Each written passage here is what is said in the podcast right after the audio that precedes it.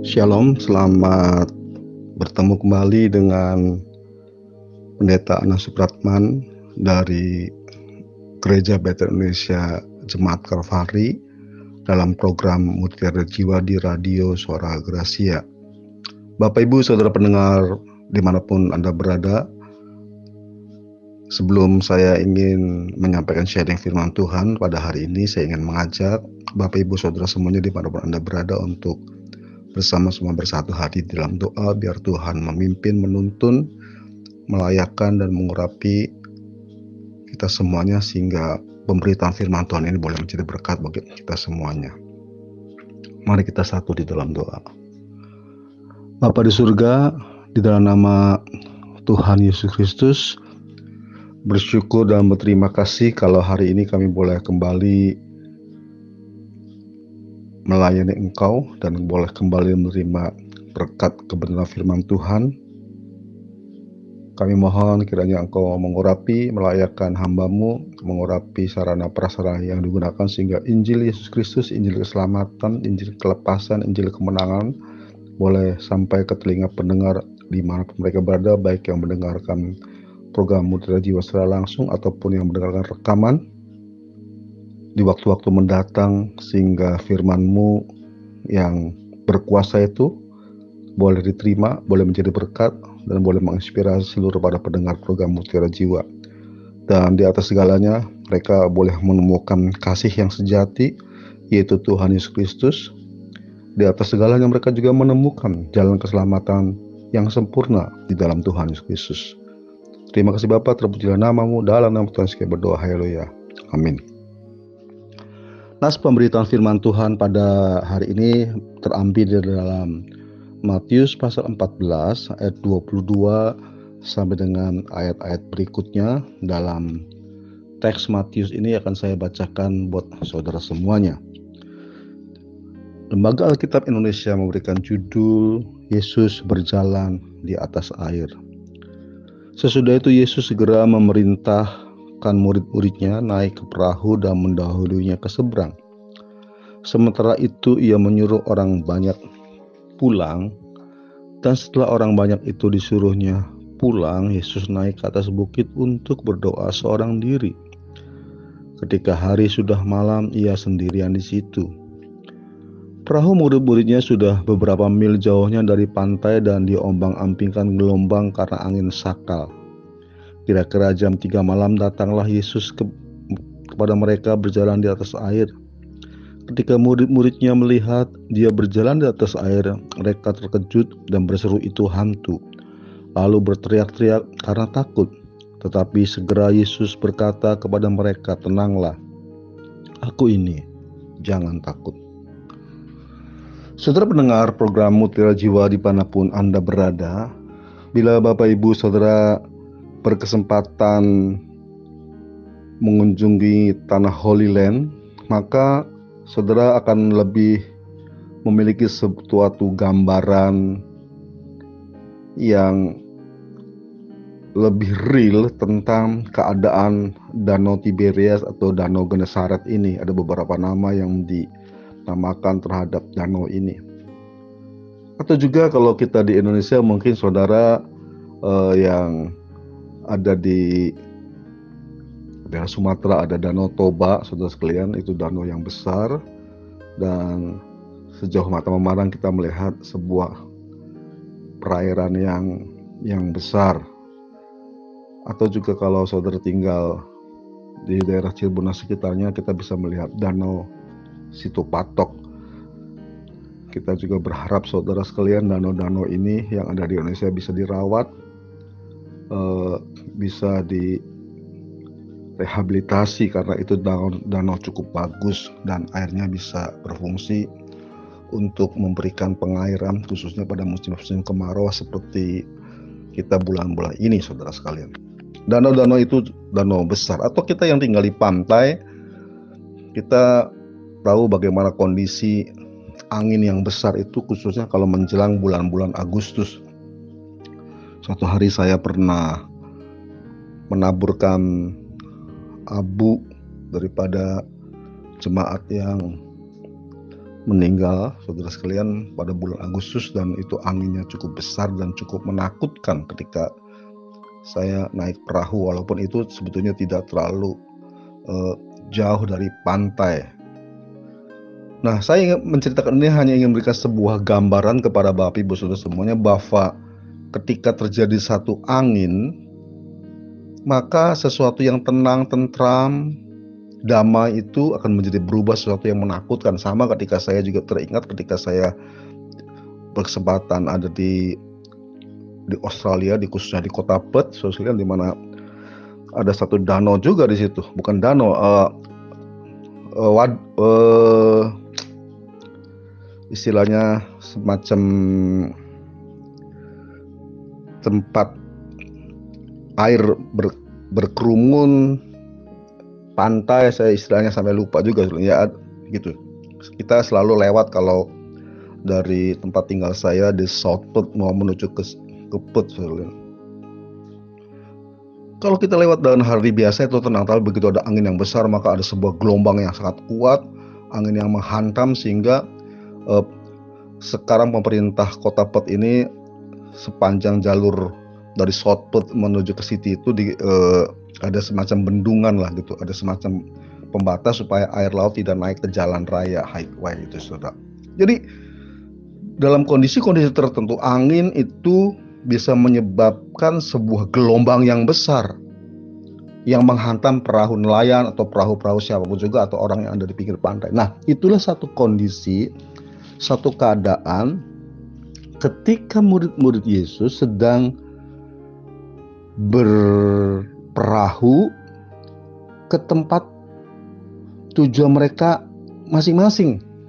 Saya boleh istilah demikian. Jadi ada satu gelombang yang sangat besar yang tidak bisa disepelekan yang bisa berakibat fatal dalam kehidupan para nelayan itu pada murid-murid itu ataupun juga kita yang mengemudikan atau kita yang naik dalam perahu dalam kondisi angin yang kencang itu. Itulah satu kondisi yang sedang terjadi yang dialami oleh murid-murid Tuhan. Yang dikisahkan dalam Matius pasal yang 14 ayat 22 dan ayat berikutnya. Saudara tentu eh, kita menganalogikan atau mengalegoriskan kondisi demikian dengan kehidupan kita. Tahun 2023 disebut sebagai tahun badai ekonomi oleh banyak ahli ekonomi dunia Hal ini ditandai dengan munculnya gelombang PHK dari perusahaan-perusahaan teknologi kelas dunia dan diikuti dengan banyak perusahaan startup yang gulung tikar. Saudara sekalian, pasca pandemi Covid, saudara sekalian, juga menghantam kita masih sedang merangkak kita berjalan belum pulih sepenuhnya dihantam juga dengan badai pertempuran antara Rusia dengan Ukraina saudara sekalian. Dihantam juga dengan badai El Nino di mana Indonesia pun mengalami dampaknya karena harus berjuang untuk bersuasembada beras. Karena negara pengimpor beras India juga menahan sebagian stok berasnya yang tadi sudah ada perjanjian dengan Indonesia untuk tidak mengirim ke Indonesia. Dan Indonesia berupaya mencoba celah lain untuk bisa mengimpor beras karena kebutuhan beras untuk Indonesia cukup banyak. Setelah itu boleh saya gambarkan seperti angin yang menghantam perahu murid-murid Tuhan itu diombang-ambingkan, membuat takut, mengerikan, ataupun secara individu ditinggal kematian oleh orang yang dicintai dengan tidak terduga-duga, tertipu oleh cerdiknya orang yang menawarkan jasa dengan harga potongan yang murah, berbagai-bagai tawaran dari media sosial, karena kitanya juga tertarik untuk mendapat untung dengan cepat. Nggak bisa dipisahkan saudara antara penipu di online dengan rasa keinginan dari kita untuk mendapatkan keuntungan yang cepat dan tidak masuk akal. Kita tergoda, tergiur untuk hal itu, sehingga uang itu diinvestasikan pada investasi entah itu emas, entah itu rekanan kerjaan, entah itu tiba-tiba tawaran keberuntungan mendapat hadiah, mendapat door prize, mendapat undian dari suatu perusahaan besar, yang padahal kita tahu kita tidak pernah berinteraksi dengan perusahaan tersebut. Yang tiba-tiba saudara dikejutkan dengan dengan dengan berita dari WA bahwa saudara beruntung mendapat hadiah dari ulang tahun sebuah perusahaan besar atau suatu selebgram besar, manakala saudara beruntung. Ditambah dengan logonya dan foto daripada orang tersebut, saudara makin tergiur. Jadi penipuan itu tidak bisa dilepaskan juga karena keinginan kita. Keinginan kita, keinginan kita, keinginan kita untuk mendapat keuntungan dengan cepat. Untuk mendapat keuntungan yang lebih. Saudara sekalian pendengar program Mutiara Jiwa di mana pun Anda berada itu juga bisa merupakan badai walaupun itu sebagai suatu perhatian bagi kita semuanya. Karena kita belum bijaksana, tergiur untuk oleh keuntungan. Namun saya tetap bisa mengatakan bahwa itu adalah sebuah badai, badai, badai, badai yang menerpa kita semuanya.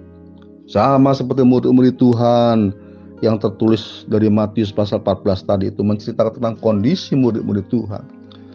Dan apa yang terjadi saudara sekalian seperti diceritakan dalam Matius pasal 14 ayat yang ke 24 tadi, perahu murid-muridnya sudah beberapa mil jauhnya dari pantai dan diombang ampikan gelombang karena angin sakal. Kira-kira jam 3 malam datanglah Yesus kepada mereka berjalan di atas air. Ketika murid-muridnya melihat dia berjalan di atas air, mereka terkejut dan berseru itu hantu. Saudara bayangkan, bayangkan. Ketika kita menghadapi tantangan, badai, persoalan, tentu otak kita, hati kita menuju kepada Sang Penebus Yesus Kristus, Sang Penolong, junjungan kita yang mengharapkan pertolongan dari kita kan gitu. Saudara berdoa. Waktu lalu hari Rabu saya mengunjungi saudara-saudara kita yang sedang mengalami kasus hukum di, di rumah tahanan negara di kota Cirebon Jalan Jalan Benteng, saudara sekalian. Dalam satu salah satu dialognya salah satu dialog dengan uh, saudara kita ini yang sedang berkasus secara hukum saya bertanya bagaimana dengan kondisi saudara di sini? Soal keimanan? Ya dia dia katakan memang Pak dengan adanya masalah kita ini makin lebih mencari Tuhan makin lebih berupaya mendekatkan diri pada Tuhan, berupaya untuk mendapat penghiburan daripada Tuhan. Berbeda ketika sedang ada uang, sedang ada jabatan, sedang ada kedudukan, Tuhan dilupakan. Tuhan hanya di, disandarkan, disampirkan hanya pelengkap hidup sebagai orang beragama tapi lebih fokuskan kepada kekayaan, kedudukan, mencari uang, mencari harta, dan Tuhan terlupakan. Cerita daripada orang ini. Di sisi lain juga dia mengatakan ya Pak, kita juga di sini juga menghadapi tantangan iman supaya kita tetap kuat, tidak berpaling dari Kristus. Saudara pendengar program Mutiara Jiwa di mana Anda berada. Ketika orang menghadapi tantangan, harusnya orang berfokus pada Tuhan berfokus pada pertolongan Tuhan. Tapi saudara bisa bayangkan bagaimana murid-murid Tuhan ini ketika dia menghadapi badai. Ya ketika kita menghadapi tiba-tiba kejutan atau berkendara berkendara mobil dengan kecepatan yang tinggi tiba-tiba ada orang yang menyalip kita kaget sehingga seluruh penumpang itu kaget pasti dia berteriak Tuhan tolong aku darah Yesus ungkapan ungkapannya demikian. Atau saudara berdoa, saudara membayangkan sebuah gambaran Yesus yang hadir, Yesus yang malaikat Tuhan bisa dikatakan demikian yang hadir menolong saudara. Tapi saudara murid-murid Tuhan ini aneh. Suatu yang aneh saudara. Ketika dihantam badai, pasti dia berteriak Tuhan tolong, Tuhan tolong. Tuhan kenapa engkau menyuruh aku pergi dahulu menyeberang? Saudara sekalian, karena di dalam ayat 22 Matius pasal 14 Sesudah itu Yesus segera memerintahkan murid-muridnya naik ke perahu dan mendahulunya ke seberang. Sementara ia menyuruh orang-orang banyak pulang.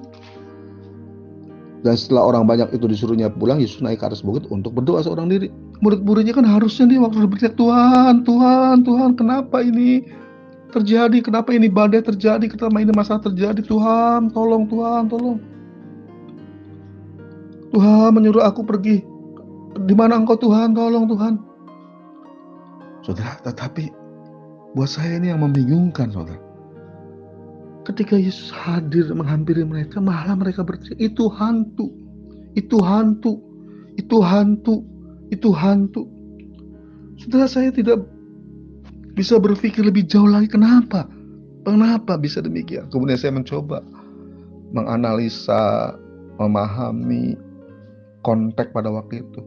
Jadi kita jangan jangan cepat mudah uh, menjas memberikan sebuah kesimpulan terhadap sebuah peristiwa sebelum Saudara garis bawahi, jangan kita terlalu cepat mengambil sebuah keputusan, menyimpulkan sebuah peristiwa, menganalisis sebuah peristiwa sebelum kita mendalaminya, sebelum kita mengkonfirmasinya, sebelum kita menanyakannya, saudara. Ya, jadi tentu kita harus memahami murid-murid Tuhan waktu itu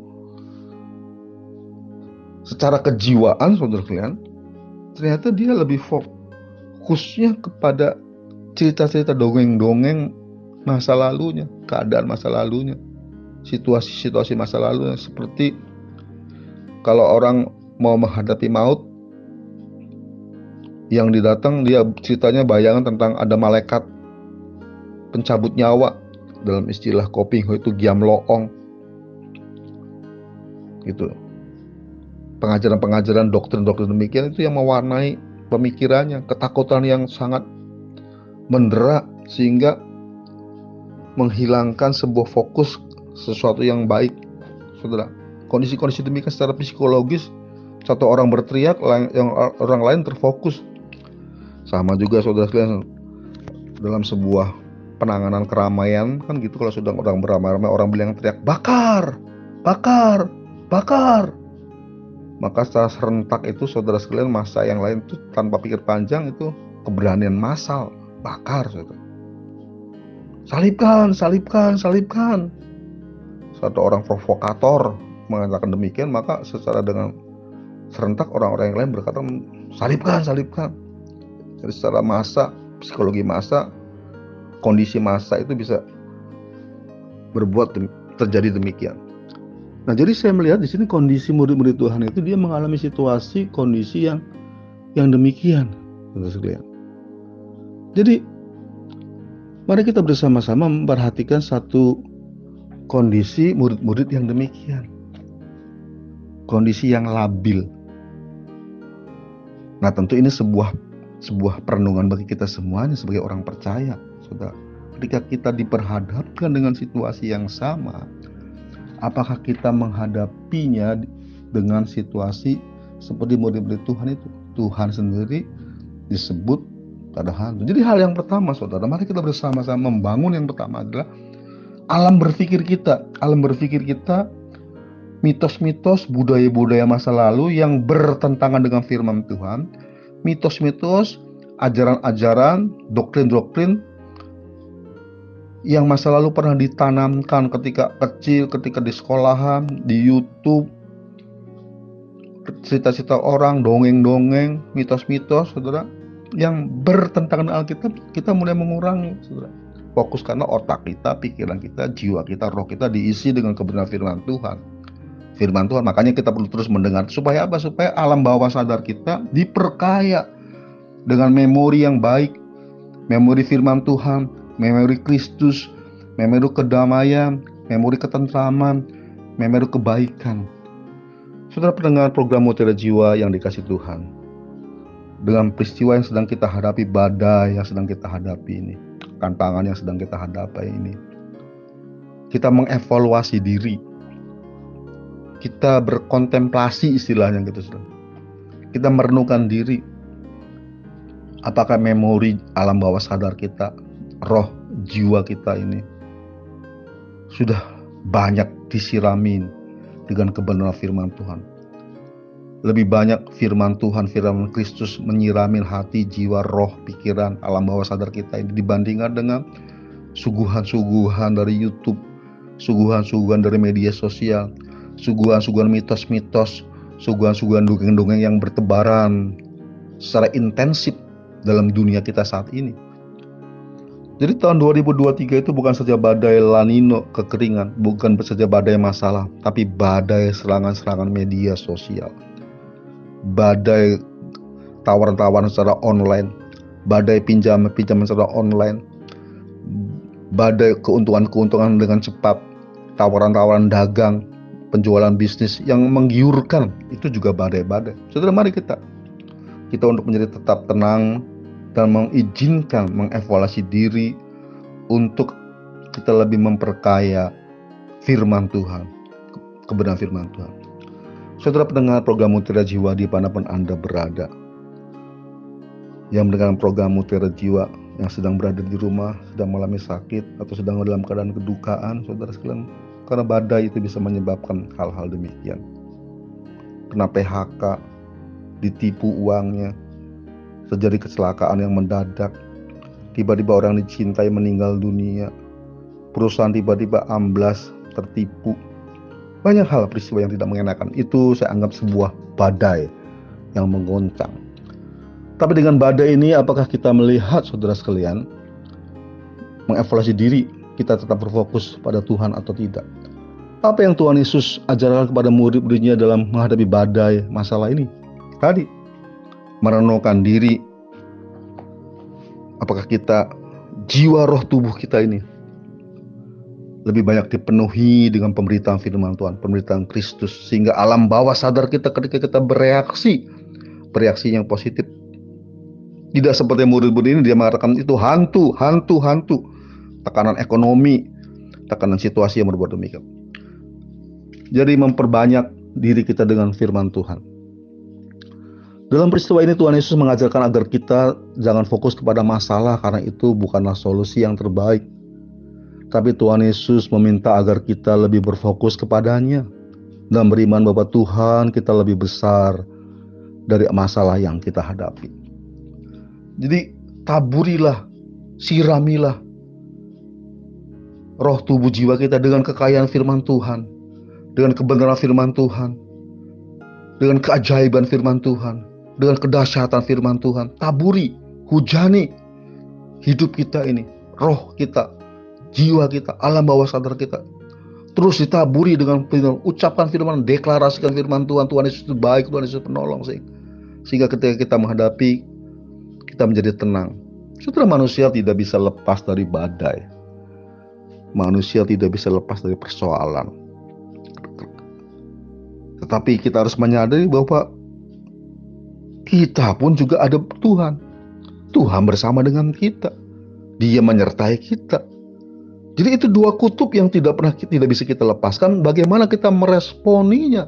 Bagaimana kita mengeluarkannya dalam gudang rohani kita, dalam gudang alam kita, dalam gudang bawah sadar kita ini yang duduk di luar apa? Cemoohan, sindiran, kepahitan, kegeraman, yang dimunculkan atau sebaliknya. Perbendaharaan yang baik firman Tuhan itu mengucap syukur, berterima kasih, percaya pertolongan Tuhan, percaya mujizat Tuhan, percaya keajaiban Tuhan.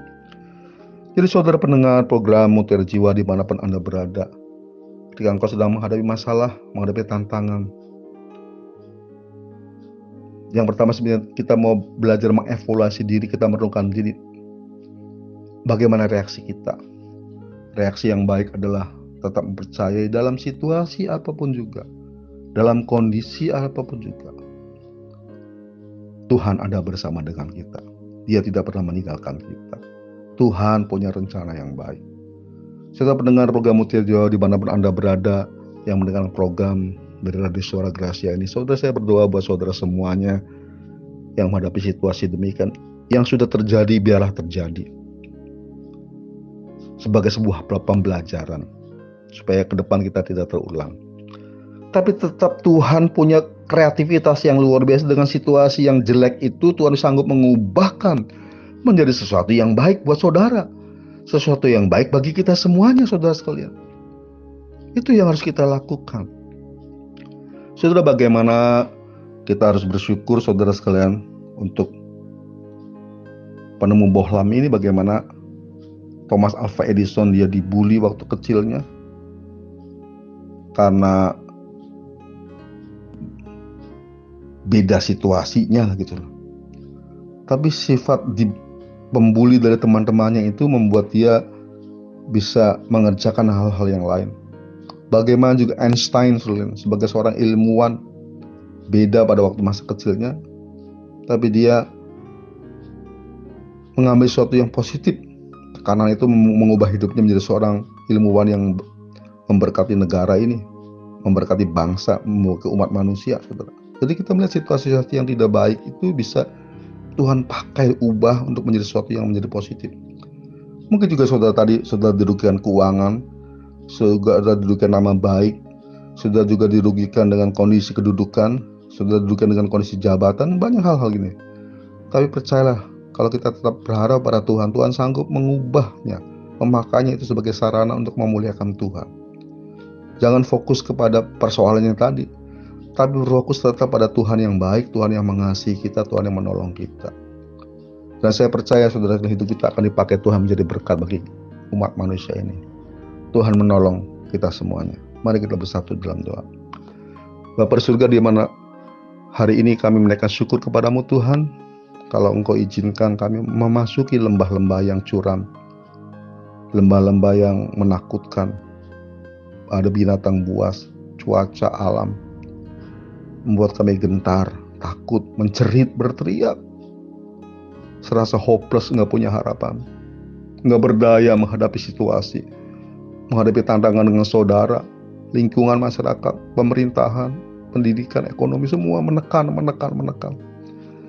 Tapi kami pada hari ini mulai menyadari Tuhan, situasi yang menekan ini kami akan memandang kepada Engkau. Akhirnya kami menyadari bahwa di dalam diri kami ternyata ada Kristus yang bersama dengan kami. Roh jiwa tubuh kami ini memunculkan reaksi yang positif, bersyukur, berterima kasih Tuhan tolong hamba berdoa buat saudara semuanya yang pendengar program Mutia Jawa di mana mereka berada, kiranya Tuhan berikan penghiburan dan kekuatan. Kasih karunia Tuhan melimpah dalam hidup mereka. Terima kasih Tuhan, demikian dulu kami menyerahkan Tuhan Radio Suara Gracia ini Tuhan pakai yang menjadi sarana pemberitaan Injil Yesus Kristus disebarluaskan dan orang hanya berjumpa dengan juru selamat sejati. Kota di mana kami tinggal, bangsa Indonesia yang Tuhan berkati, khususnya pemilu yang akan datang dan proses-proses pencalonan presiden, wakil presiden, anggota DPD, anggota DPR MPR, anggota DPD pusat kota maupun kabupaten Tuhan tolong semuanya proses pesta rakyatnya boleh berjalan dengan baik Terima kasih Tuhan dan akhirnya kami menyerahkan seluruh sidang jemaatmu yang sedang bergumul ini. Bila mereka berfokus pada Tuhan, Sang Penolong yang sanggup menolong hidup mereka semuanya. Dalam nama Tuhan Yesus berdoa. Haleluya. Amin.